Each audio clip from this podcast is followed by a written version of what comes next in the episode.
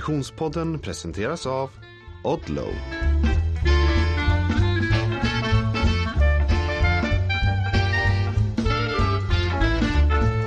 Hej och välkommen till Konditionspodden. Vi är framme vid avsnitt 12 denna elfte säsong och jag som pratar heter Frida Zetterström. Hej Oskar Olsson! Hej Frida! Vad mysigt det ser ut där med, med, med tänt ljus. Eh, vi spelar in på länk och jag ser dig. Mm. Ja, det tända massa ljus här. Ja, hålla ljuset eh, lågt här hemma. Sonen sover. Mm. Ja, och det är ju mörkt. Klockan är förvisso rätt sent på kvällen, eh, men vi befinner oss också i något av det mörkaste man kan ha, håller jag på att säga, årstidsmässigt. Det har inte vänt än riktigt, men snart så. På fredag eller? Mm, mm, jag tror väl det är något sånt. Mm. Men, men i helgen var, var det vitt och ljust du? Ja, herregud. Ja, hur ska jag sammanfatta det på, utan att babbla på här hur länge som helst? Ja, det går så bra så det är podd. Ja, precis. Det är pratvänligt. Nej, precis. Jag antar att du refererar till mitt träningsläge med längdskidspecialisten i Gålo, Norge. Ja, vad mycket snö! Mm. Ja, eh, absolut. Ja, det ligger faktiskt på Gård och fjällstation ligger på 1000 meters höjd nästan. Det är ju helt otroligt. Mm. Så det är en bit upp i luften, höll på att säga. Man mm. kör ju dit i en dal via Lillhammer. Och sen så sista 15 meterna är ju rätt upp för berget då. Eh, så ligger det en liten mm. pittoresk skidort här får man säga. Eh, ändå, de har lite nedförsbackar och så, men fokus är ju deras eh, längdsystem. Hur hittade ni det? Hur kommer det sig att ni landade just där? Ja, eh, det är... Eh, Jan har ju hållit på med längdskidåkning eh, sedan Jesus gick i sandaler. Så att, eh, han har ju koll på allt, eh, både i Sverige och i Norge som är värt att besöka och liksom skidspår och sådär. Så att, eh, ja, det är ju, jag, vet inte, jag har ju fått det via, via Jan och han har ju kört läger där i många år för att det är ju en känd ort för den här typen av aktiviteter. Mm. Mm, Jan Flodin alltså som mm. driver längdskidspecialisten är det vi pratar om, mm, som mm. ju också eh, står som, eh, säger man att han är sammankallande eller han är åtminstone eh, titelsponsor för eran längdåkningssatsning? Absolut, och teamchef och vallachef och allt i ett. Han är chefen helt enkelt? Han är chefen helt enkelt. Mm. Okej, okay, så han, han är det som tar er till Gålå mm. eh, och ni hade en, eh, en riktigt bra helg? Ja, verkligen. Massa glada deltagare eh, och hade tur med vädret. Och såg i appen som ut som att mestadels skulle vara fredag som såg ganska bra ut fast även den molnig. Eh, men eh, alltså på något sätt så även om det ska vara, bli liksom lite moln så, så, där uppe på den höjden bland bergen så, så kommer ändå alltid solen fram och du får de här eh, fina skiftningarna i gul, orange, rosa eh, och lila ehm, som du får där uppe i den fjällmiljön när det är kallt och sådär. Så, vi såg ju solen varje dag ehm, och, det var sådär liksom, ja, nyp med armen vackert. Så att eh, ni som vill se mer kan ju kolla på, jag la ut någon reel där på längdskidspecialistens Instagram. Men ehm, eh, ja, det var ju fantastiska miljöer och Sebastian Backlund som är med i teamet, han har åkt längdskidor eh, sedan han var liten och också varit uppe i de här orterna mycket och sa det liksom att det här är ju liksom skidmäckat eh, för längdskidåkning. Alltså, eh, och jag menar, det är klart det finns fina gastkramande eh, vyer nere i, i Alpen också, men det som också ska till är ju att det ska vara väldigt eh, alltså trevliga spårsystem och, och eh, preppade spår. Och det tror jag inte ens, det tror jag inte, liksom, den religionen kring längdskidåkningen finns inte på samma sätt i, i, i Schweiz eller Frankrike. Där är man inte lika noga. I, no i Norge är det ju som en religion och heligt. Alltså, jag har aldrig varit med om dess like. Vilka, alltså mitt ute i ingenstans där det kanske inte kommer en enda människa på hela dagen och åker längdskidor. Men lik förbannat så är det liksom superpreppade två spår, skatebed, helt klanderfritt. Och med det är ju i fjällmiljö och liksom lite ja, kal, kalfjäll. Så det, men det är ganska mycket väderomslag, eh, vilket påverkar ja. såklart spåren. Eh, och det fick vi också uppleva. Men, men eh, fort så var de ute med, med pistmaskiner och grejer. Och det är ju inte sådär korta distanser, men vi åkte en slinga sista dagen som var, jag fick ihop 42 kilometer och jag åkte inte en meter som var den andra lik. Eh, så att jag menar, du förstår ju vilka oändliga spårsystem mm. då när du kan åka sådana runder. Eh, och som sagt, det är ju inte som sagt runder närliggande i ett elljusspår eller så här, utan det är ju verkligen mitt ute i ingenstans. Mm. Så det är otroliga resurser det måste ta för att liksom hålla liksom den preppen på spår och kvalitet. Och, så det är ju också, det, du har ju först vyn som sagt liksom, och den kan du få på andra platser i, i, i världen såklart. Eh, precis som Norge som är väldigt vackert med sina bergsmassiv och så. Men sen också gärna då trevliga spår då, liksom som dras lite här varstans. Liksom. Um, så att ja, nej, vad ska jag... Det, jag kan prata hur länge som helst, det var fantastiskt. Och människor vi mötte i spåren, trevliga, glada, som liksom delar eh, glädjen och kärleken till, till längdskidåkning. Liksom. Så att, eh, ja, total eufori där i tre, fyra dygn. Ja, vad ljuvligt. Mm. Ja, är... Så nu är, nu är grunden lagd för uh, tuffa träningen för Vasaloppet och det känns ändå så positivt och det kan jag skicka till dig också att när man får en sån några sådana boostdagar med väldigt mycket skidor varje dag så jag känner det att, uh, i alla fall för mig, att kommer tillbaka ganska fort. Men um, det gäller ju mm. att fortsätta hålla det nu men det kan ju kännas lite som, tycker jag i alla fall, det går på snö då. Det här var andra gången jag var på snö sen, sen ja, i princip Vasaloppet. Och eh, ändå, ja, jag var i Torsbytunneln men i alla fall ute på riktigt sådär och åkte lite längre sträckor. Så att, eh, och det tyckte jag ändå så här att ja, det går ganska, ganska fort att, att komma tillbaka. Men sen så gäller det nu att göra sina timmar då så att, så att eh, mm. jag, vi är förberedda första söndagen i mars. Mm. Mm. Härligt! Mm. Fjällmiljö är bra för själen. Um, jag fick faktiskt till lite åkning också. Ja, men du hade ju jätte... Alltså, jag tänkte det, gransnö, tyngda granar. Jag glömmer alltid det här ordet eh, som låter så vackert. Snötyngda granar. Snötyngda granar. Mm. Ja. ja, nej men precis. Jag var ju uppe i Sälen i helgen och eh, jobbade. Så grymt trevligt ut. Fint hotell och... Ja, Helt fantastiskt. En, en stor eh, modefotografering på eh, Hotell Viktors vid Sällfjällstorget. Mm. Eh, kan man sen få ta del av eh, bilderna i, i tidningen Amelia i februari om man så önskar. Eh, det är även er undertecknad programledare som var modell på bilderna så då får man njuta av det om man, om man så vill. Wow. Men, Amelia, alltså, förutom, det är det stort. Ja, ja just det, du har inte sett de här bilderna. Jag får skicka dem till dig efteråt. Um, nej men, och då, det var ju en fotografering som vi gjorde som var själva anledningen till att vi åkte dit. Men så naturligtvis passade vi ju på att åka. Så att vi körde faktiskt, eh, ena dagen så körde vi kalven runt. Oj! Uh, Uh, och uh, och det får man, då får man ändå ge det att min fotograf hon hade stått på längdskidor en gång i vuxen ålder och drog ändå 1,1 mil. Ja, och det är inte den lättaste 1,1 mil för den är ganska trixig och, och småkuperad med sina ja, sådana små Den var faktiskt lite, korta... lite men det var ju ljuvligt. Uh, och sen dagen efter så körde jag Gubbmyren, körde ah. jag ett träningspass. Så att jag var Bra. väldigt nöjd med att ha fått till det överhuvudtaget. Du har också fått lite snö under kängorna nu då? Mm. Ja. Ja men verkligen, verkligen. Så väldigt, eh, väldigt roligt och väldigt härligt och mm, väldigt mycket precis som du säger att man väcker de tankarna och den känslan. Liksom. Mm. Mycket bra. Ja. Men du, eh, mm.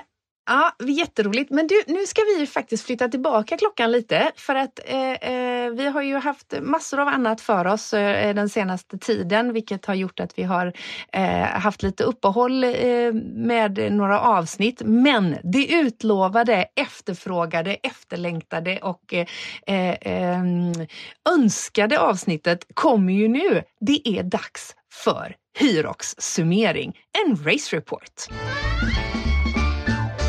Oskar, om vi eh, flyttar då tillbaka klockan till, eh, vad var, vilken datum var det? Eh, 2 december, en lördag. 2 december, eh, då Hyrox Stockholm-tävlingen gick av stapeln. Eh, om du, du, ska liksom summera eh, känslan precis innan start, vad var, din, vad var din magkänsla där och då? Det var faktiskt oförskämt eh, bra ändå. Jag hade en liten niggle, som man säger på engelska, eh, i min rygg. Jag har haft eh, lite problem med min rygg eh, under hösten. Eh, inget allvarligt, utan bara en, liksom en mindre eh, överbelastning eh, som jag har hanterat eh, eftersom jag är bra på att lyssna in kroppen. Eh, men det är ju en, ändå en knivsudd jag balanserar på just med att ja, bibehålla någon typ av stakträning och sen då köra mycket hyrox eh, eh, och styrka för överkropp och sådär. Så då är det väldigt lätt att bli bara helt enkelt spänd och belast, ja, få lite överbelastning då. Jag är lite sned och lite starkare på höger sida så jag brukar ibland då få problem på vänster sida. Och har haft det lite liksom till och från, inte, har inte hindrat träningen jättemycket men kulminerade väl lite sista veckan och så det är ju lätt att vara efterklok. Ehm, och jag tog en behandling som jag brukar göra inför tävling och lite massage och sådär och tog en behandling eh, ursäkta, eh, på den eh, vänstra delen av ryggen då på torsdagen. Och det fick väl en lite liksom, större reaktion då och det blir ju så att nu behandlar ganska hårt och så, så ska du få, liksom, ge det några dagar och så ska du få en avslappning och så, ja, så blir det bättre sen då. Och, eh, jag fick ett bakslag eh, på sista övningen på, på tävlingen sen eh, som en följd av detta som jag kan komma in på lite när vi kommer in i race-supporten. Men bortsett från den så, så var känslan väldigt bra. Jag kände mig förberedd. Eh, kom dit eh, ganska sådär ändå. Man gärna hade inte läst kanske. Jag kände ändå så att ja, det var ju inte det viktigaste som hände på min, säsong, den här tävlingen, utan det var mer se och lära kanske och ha roligt även om jag inte kan låta bli och, och vara sådär otroligt tävlingsmänniska. Som bara jag kan. Men så jag kom in i atmosfären, jättehäftigt, liksom, bra välorganiserat, har ingenting att, klanka på där egentligen. Eh, hade ett otroligt... Eh, och när du, och, och när du kom dit så då var det ju verkligen i full gång. Det hade ju varit eh, race i arenan ända sedan morgonen, eller hur? Ja, största starten var väl typ vid nio. Sen så min start var vid halv sju, sex, något sånt där. Ja. Så att det var liksom full action kan man tänka när man kom dit då? Verkligen, fullt folk med barn som tävlade och, och höll på då liksom. Så att eh, det pågår ju flera, eftersom att det är begränsat med kanske en 20, 25, 30 skijärg eller vad sådär och roddmaskiner så mm. kan du bara ha så många i varje eh, startgrupp då. Och så rullar mm. de bara liksom löpande med kanske 15-20 minuter mellan varje grupp och så rullar det på så. Det var väl 2000-2500 deltagare så man kan ju tänka sig själv att det är rätt, rätt många att få, hinna få iväg på en dag då liksom. Mm. I olika klasser och olika mm. vikter och sådär. Mm. Men du eh, gjorde dig hemmastad och, mm. och hittade allt som behövde hittas. Och, ja, eh, med vi körde en liten livesändning där. Eh, precis, körde livesändning med dig, roligt. Eh, och lite interaktion från, från eh, olika som var med och lyssnade in. Och som sagt, jag hade ett jättebra support crew. Bättre än jag hade önskat. Jag hade med mig Tim och Erika från Göteborg och sen så mm. även James och Marcus Rössel från Stockholm. Mm två kompisar där som, som eh, följer min träning eh, och tränar själva båda två mycket. Och James hade själv deltagit i loppet innan så han hade bara slängt i sig lite käk. Mm, vi kom... gjorde ju ett avsnitt med James här så att, eh, ja. han är vi ju Konditionspodden kompis med nu. Verkligen. Hur gick det för honom? Jo men det gick bra. Han hade haft lite sjukdom de sista två veckorna så att han tog lite mer så som ett genomförande men ändå liksom ett absolut bra genomförande och, och kände sig nöjd runt ja, en och en halv timme där någonting eller strax under en och en halv timme. Um, Mm. Och eh, nej men det var jättebra, så han var jättenöjd. Men, eh, så jag, jag var väldigt så, det var ju väldigt kul med, med så många som runt omkring då, som, som hejade och stöttade mig och hjälpte till med ja, alla de här grejerna som är kring förberedelserna. Så att, eh, ja, väldigt bra känsla inför start. Började värma mm. upp därefter, vi hade haft vår livesändning. och sen då förutom ryggen så här kommer väl också en väldigt avgörande del som är värt att nämna på eh, vad som, för det här skedde ju precis innan start. Då, så Eh, två, tre veckor innan tävlingen så eh, hade jag, eh, körde ett sånt där lite mer race-specifikt pass då. Som är lite så race simulation som de kallar det för. Och man går igenom typ alla övningar och så springer emellan och ja, inte kanske mm. väldigt hårt men inte lika fulla distanser så att man, man får känna på det. Och, ja.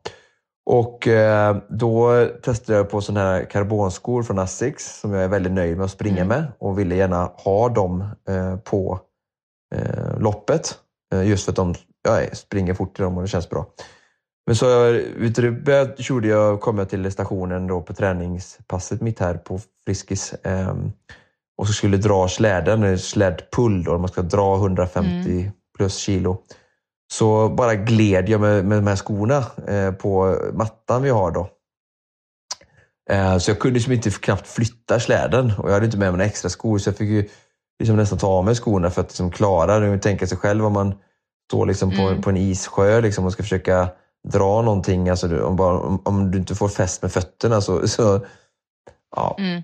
Så att då blev det här blev ju en, en grej för mig sista veckorna in, inför loppet att det här med skoval kommer att vara viktigt. Jag vill springa fort eh, men jag måste också ändå ha fäste för eh, ja, det här med släden då. Eh, Mm. Och jag började tänka om jag kanske kunde halka mer på liksom något speciellt golv på Burtby, jump, broad jumps eller något sånt där. Liksom. Så jag tänkte den där... Och på slädpullen också Ja, precis. Det var ju den som var den största, men även andra började tänka då ifall det var liksom halt eller sådär. Mm. Eh, men så jag hade med mig tre par skor upp till Stockholm och liksom kände så här, jag vet ju att alla de här tre är jag bekväm i. Eh, men liksom två är liksom, ja, lite långsammare att springa i, men eh, bra fäste då. Så var vi i alla fall där i uppvärmningen eh, som jag berättade om efter livesändningen med dig och så hade de faktiskt väldigt smart eh, då uppvärmningsarea där varje gren fanns. Liksom. Det fanns flera skier, kanske en fem, sex, sju skier, några roddmaskiner, några kettlebells som man kunde göra farmers walk. Eh, båda slädarna då i två sådana här liksom, mattor som var utlagda där man kunde putta och dra de här slädarna. Och, Ja. så man verkligen kunde värma upp i de specifika övningarna vilket känns ja, väldigt relevant och bra. Då, liksom. Sån här säck, och framförallt, de flesta kom ju dit och säkert inte gjort Hyrox innan så det kan också vara skönt bara så här få, få testa just med den utrustningen. Då. Som sagt, man gör utfallssteg med 30 kilo så kanske jag, jag använder oftast en skivstång då på, på gymmet och här då är det de här riktiga eh, sandsäckarna då som du ska ha på axlarna som, som väger 30 kilo.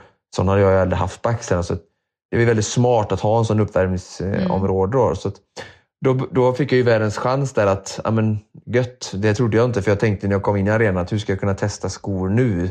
Jag får ju safea på några Mm. med bra grepp. Eh, men så såg jag den här då, så gick jag fram till en sån släde i alla fall och tog på mig de här Asics eh, ja, Metaspeed då, som jag gärna ville springa med. Och så testade jag att dra och Tim var med och bara, det gick hur bra som helst. Det var som inga problem att dra. Jag, jag satte 150 kilo och bara så här, oj, vad, det här var inga problem. Mm. Eh, så då tog jag ju de skorna. Ja. Eh, och sen så gick jag till startlinjen. Och skulle starta. Mm. Ska vi ta det gren för gren eller liksom, hur ska vi? Ja, nej, jag tänker att vi vill, hö vi vill höra skodelen. Mm. Där vi vill höra fortsättningen på det. Ja. Eh, men jag Ja. kom sen då under, eh, då får man ändå bara snabbspola lite. att Starten gick, Ja, jag sprang väldigt absolut. fort. Ehm, ehm, jag höll det lite passivt i början för jag visste att det var liksom ändå en timme jag skulle hålla på. Ehm, första grenen kom till skiergen och jag stod liksom och pratade med mitt support som hejade liksom för att de andra verkligen körde all out men jag kunde ändå åka skid, eller staka skidmaskinen ungefär lika fort som dem eh, men lite mer avslappnat och valde liksom att inte ja, taktiskt sett köra kanske så hårt. Det kändes som att de körde hårdare utifrån sin kapacitet än vad jag gjorde. Och sen ut på Mm. den andra löpningen då, och den tror jag hade typ så här, ja, men 3.32 eller 3.34 så det som var ändå ganska fort och kontroll, men ändå så jag höll igen. Sen kom vi till slädpush då. Um, det gick jättebra. Just det, så det blir ju din, det blir din Andra, tredje gren andra, då? andra, eller fjär, andra styrkegren. ja, andra styrkegren. Mm, eh, med fjärde moment ja, Ja. efter två Mm. löpningar Mm. och skier.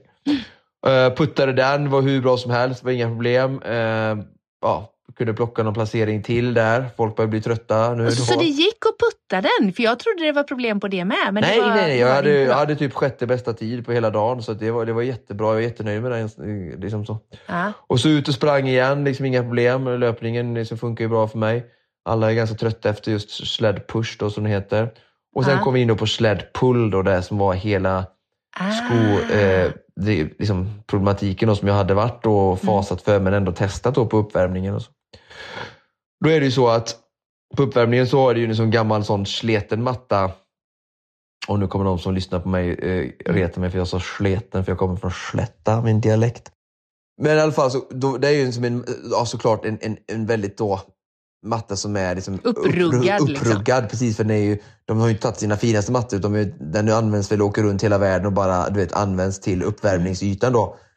Ehm, och ehm, sen då så när jag på på själva tävlingsarenan eh, arenan, eller tävlingsmattorna då, som var där ute på banan så var de jättefina. Så de var mycket glattare. Eh, så jag, det var ju helt ironiskt. Jag har precis stått och dratt samma släde, samma vikt några minuter Mm. innan och hur bra som helst. Och nu så bara, jag bara gled med fötterna. Det spelade liksom Mm. ingen roll. Jag, fick, alltså jag drog i repet men bara, jag, alltså jag åkte ju mot släden för jag bara gled med fötterna under fötterna. Så att det, jag, jag, det Mm. gick ju ingenstans. Jag menar, det här brukar jag göra på typ tre och en halv minut. Jag la över sju minuter och jag, jag låg kanske trea, fyra när jag kom in på den stationen och sen låg jag kanske tjugonde plats när jag lämnade. Alltså det var ju helt, det var ett skämt. Mm. Jag trodde ju, för det första, första så tänkte jag så tänkte jag, jag kommer inte ens gå i mål. Alltså jag kommer inte klara den här Mm. stationen. Och sen så tänkte jag så här, nu är all tid borta så nu bryter jag ju liksom. För det var, vad är vitsen med detta? Eh, Men sen är det ju alltid den här typen av inre, tror jag, undermedvetna drift att bara fortsätta för att, ja, det är ju verkligen last resort att bara kasta in handduken. Ehm, så att, och sen jag gick ut på löpning, jag kommer ihåg att jag, var liksom, jag sprang inte så fort som jag, som jag, som jag borde eller kunde. För jag var ganska demolerad. Så jag försökte liksom hitta nytt fokus. Vad, vad, vad gör jag nu? Liksom? Ska jag försöka sätta en bra tid på någon löpning eller på någon station? Eller hur hittar jag någon motivations-USP här? Liksom? För målet om 59 eller 62 var ju borta. Jag visste ju det, jag var inte dum. Liksom. Jag har ju stått där halva kvällen kändes det som.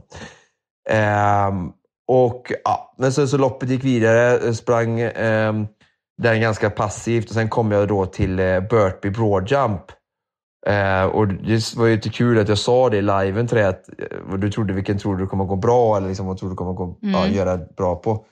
Ehm, och ehm, ja, då, då bestämde jag mig för att jag ska sätta en bra tid där och så är jag ju då ganska duktig på den och visade sig att jag hade ju den snabbaste tiden overall av alla som var med på, i Stockholm den dagen. Ehm, Mm. och eh, ja, märkte ju att jag plockade väldigt mycket eh, placeringar såklart då. Eh, på den stationen. Och det var ju väldigt stärkande ändå att känna att man, för, ja, folk som jag var hade varit långt före, var ju helt, var helt plötsligt långt före mig. Och så när jag började knapra in dem och, och även ta placeringar så blev det ändå någon typ av motivation som ändå vände. Och så fick jag väl kanske den motivationen att, att liksom ändå köra all in eh, därifrån till mål. Då, liksom.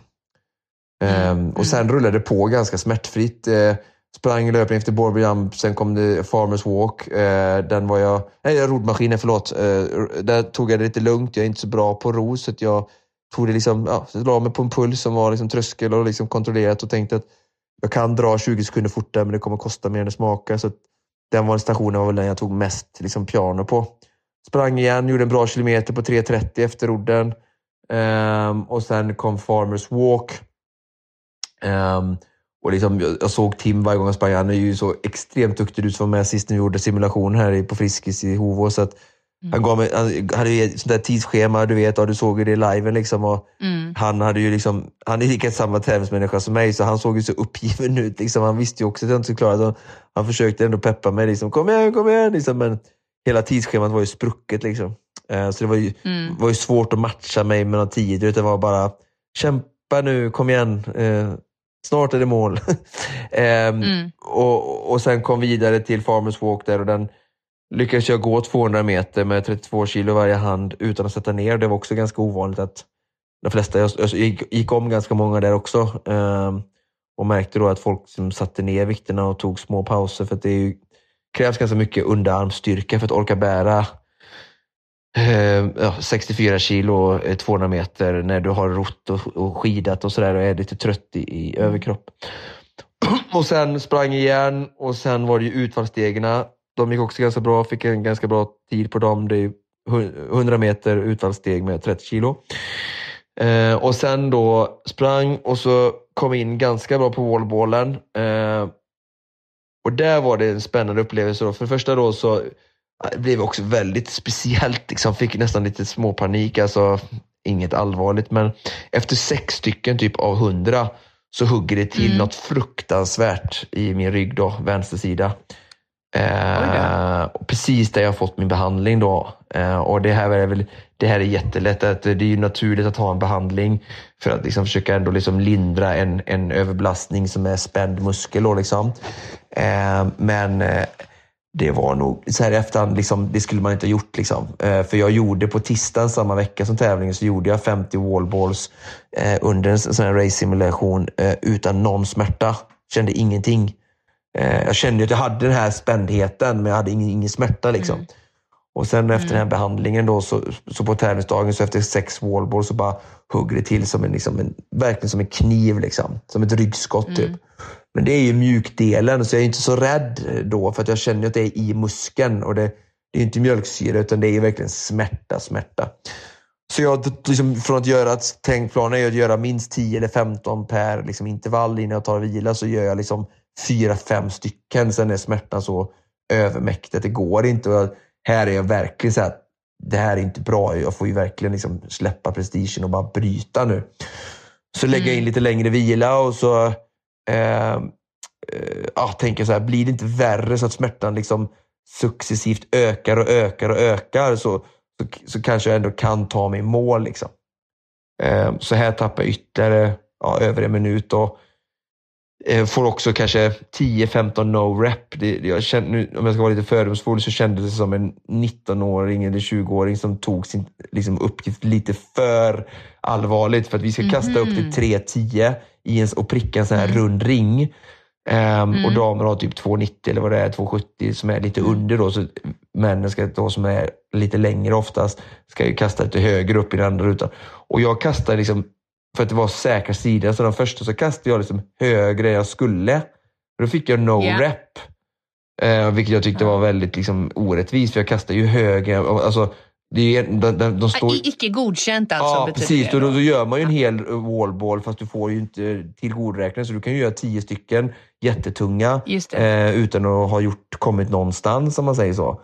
Ehm, Mm, och det mm. förstår jag inte riktigt. Eh, för, och det har jag hört några sådana här från Elite 15 också på någon podcast. Liksom att, alltså, om man, så länge man gör tyngre än man behöver så då, då förlorar jag ju på det. Så att det makes Mm. no sense. Liksom, att, och sen även då ska man ju gå under 90 grader och det var också liksom helt orimligt.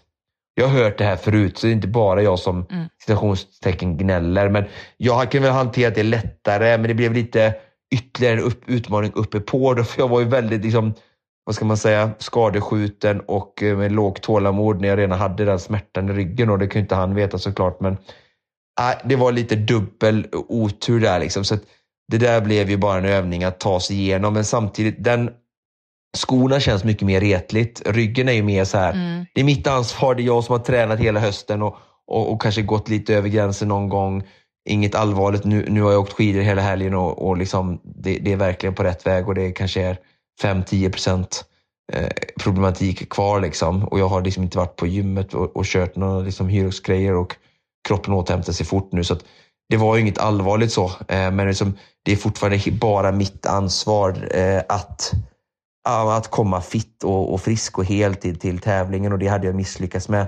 Skorna om du fattar, det är klart det är bara mitt Mm. ansvar också, det var mitt val. Men den känns lite mer retlig om du fattar. Alltså, jag hade ju Ja, med ja. mig de andra två på skorna också. Jag var ju förberedd och hade ändå tänkt på det och så testade jag liksom exakt den. Så jag tyckte ändå där gjorde jag alla rätt. Det här med ryggen skulle man mer kunna ifrågasätta kanske att ja, jag kunde gjort lite annorledes. Men Mm. Mm. så att eh, ja, det Ja. blev en timma, fem minuter. Jag kom sju eller åtta totalt i den eh, pro-klassen då med tyngstvikter. I, i, sen finns det då ytterligare 15 elit som, som är liksom, ja, verkligen elitsatsande, i, nästan till heltidsatleter som, som körde på morgonen. Då, så att, men det är de 15 bästa i pro då, som, får, som kör i Elite 15 och sen övriga då får, får hamna i den här pro-category. Då. Ehm, och där kom jag ju. Så det var ändå bra och så kvalade jag ju min, age- jag vann ju min age group då. Eh, gubba, Gubbar eh, 35 till 39. Ehm, och det var väl roligt liksom så. Ehm, väldigt många som stod längs banan som, som hejade som jag antar känner igen mig från, från Konditionspodden. Så att om ni lyssnar på detta så får jag verkligen skicka ett extra stort tack till alla glada hejarop och att ni gjorde vad tillkännagav er och ja, hejade på. Det, det, det fylldes i alla fall jag mycket av, av energi och kraft. Av, jag är ju relativt, eller extremt okänd i de här sammanhangen annars såklart. Det är ingen annan där som har, har någon koll på vem jag är. Ja. Men vad roligt. Men, men eh, eh, känns det som att eh, blir det fler Hyrox? Liksom? 100 procent. Alltså 26 mars, Köpenhamn, bokat och klart. Liksom. Just det. Ja, men, jo, men jag är ju så revanschsugen så jag är på att dö. Liksom. Så att, eh, det Ja, blir weekend bra. med lite god middag och visit, eh, öppna med våren i, i Köpenhamn. Kan jag hoppas att värmen kommer där i slutet av mars. Det låter ju superhärligt ju. Mm. Men vad kul! Mm. Ehm, och det är ju precis som du konstaterar, det är ju bra lärdomar att ha med sig naturligtvis. Absolut. Jag, jag räknar, jag ska ha en frisk rygg och jag ska ha rätt skor så är det fyra minuter rätt av. Liksom. Det är liksom ett minimum. Sen drömmer jag om det här med 66, 60 minuter men eh, jag, eh, ja, jag ser eh, eh, 61 minuter, det är minimum. Sen Ja. eh, 59 är någon sån här typ av dröm. Det får, jag får se hur, jag kommer inte liksom ändå inte jag kommer försöka bibehålla, jag kommer liksom inte fokusera något utan det är Vasaloppet som är all in. Sen har jag sagt till mig själv att jag ska ha ett styrkepass i veckan som ändå kommer gynna skidåkningen och sen ett löpintervallpass eh, i veckan eh, för att liksom hålla igång det momentumet. Eh, och sen resten Mm. får jag liksom någonstans lita på min skidfitness, att den går under två veckor efter Vasaloppet föra över till, till Hyrox. Eh, och som sagt, jag är inte, det är inte så, det är ingen allvarlig satsning utan det var ett väldigt roligt koncept som, som ändå någonstans passar mig eh, och mina styrkor och säkert någonting jag kommer jag kanske göra mer av längre fram men jag kommer ju som inte pausa mitt Vasaloppssatsande bara Mm. för, för Hyrox. Liksom. Nej. Ja, men det vi, vi ser fram emot att följa det såklart och eh, precis som du konstaterar så är det ju ett Vasaloppsfokus eh, eh, som står för dörren eh, innan då 26 mars eh, och eh, eh, i Köpenhamn. Eh, och, och mer om eh, detta berömda, fantastiska eh, hundrade Vasaloppet kommer det ju att bli under eh, om inte de kommande veckorna så åtminstone de kommande månaderna, eller hur? Verkligen. Det är en, eh, för oss skidälskare och för er skidälskare hemma så är det en fantastisk tid som väntar nu. Jag ska åka lite skidor tänkte jag i över nyår och ja, det blir några vändor till Borås.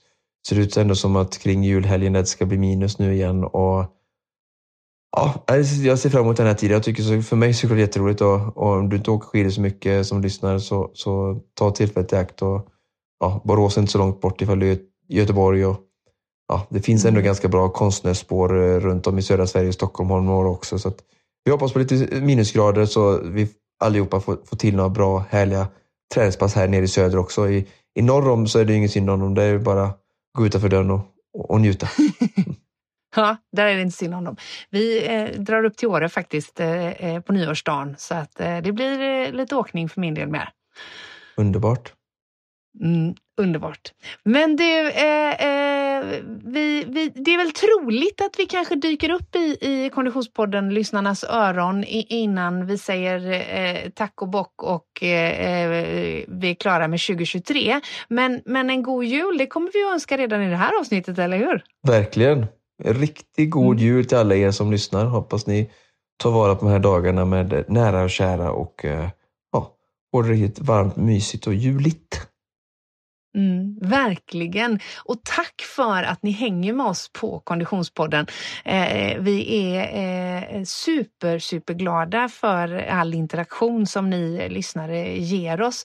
Eh, det är ju så att vi eh, nås egentligen bäst på sociala medier kanske. Eh, Instagram och Facebook. Eh, Konditionspodden heter vi båda forum. Eh, och det är jättekul när vi får respons från er, eh, både på det vi har gjort och producerat men också på vad ni önskar.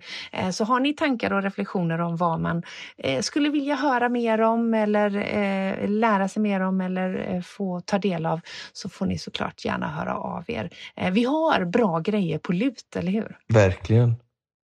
Mm. Spännande tider väntar. Ja, det är verkligen spännande tider som väntar. Så att stay tuned och vi kommer snart tillbaka helt enkelt. Ehm, Hur ser de här dagarna fram till jul ut för dig, Oskar? Nej, men det är jobb eh, till fredag och sen blir det lite uppesittarkväll och julmys där fredag, lördag. Eh, Jag har ju Filip Mm. fram till måndag nästa vecka. Så att, eh, Mm. ja, med familj och nära och kära. Eh, eh, julklappar och ja, allmänt julmys. Det ser härligt ut. Mysigt. Mm. Mm, härligt. Det låter bra det. Men eh, det här, kära Konditionspodden-lyssnare, det var allt vi hade att bjuda på för det här avsnittet. Precis som vanligt produceras Konditionspodden av Fredag. Connect Brands with People.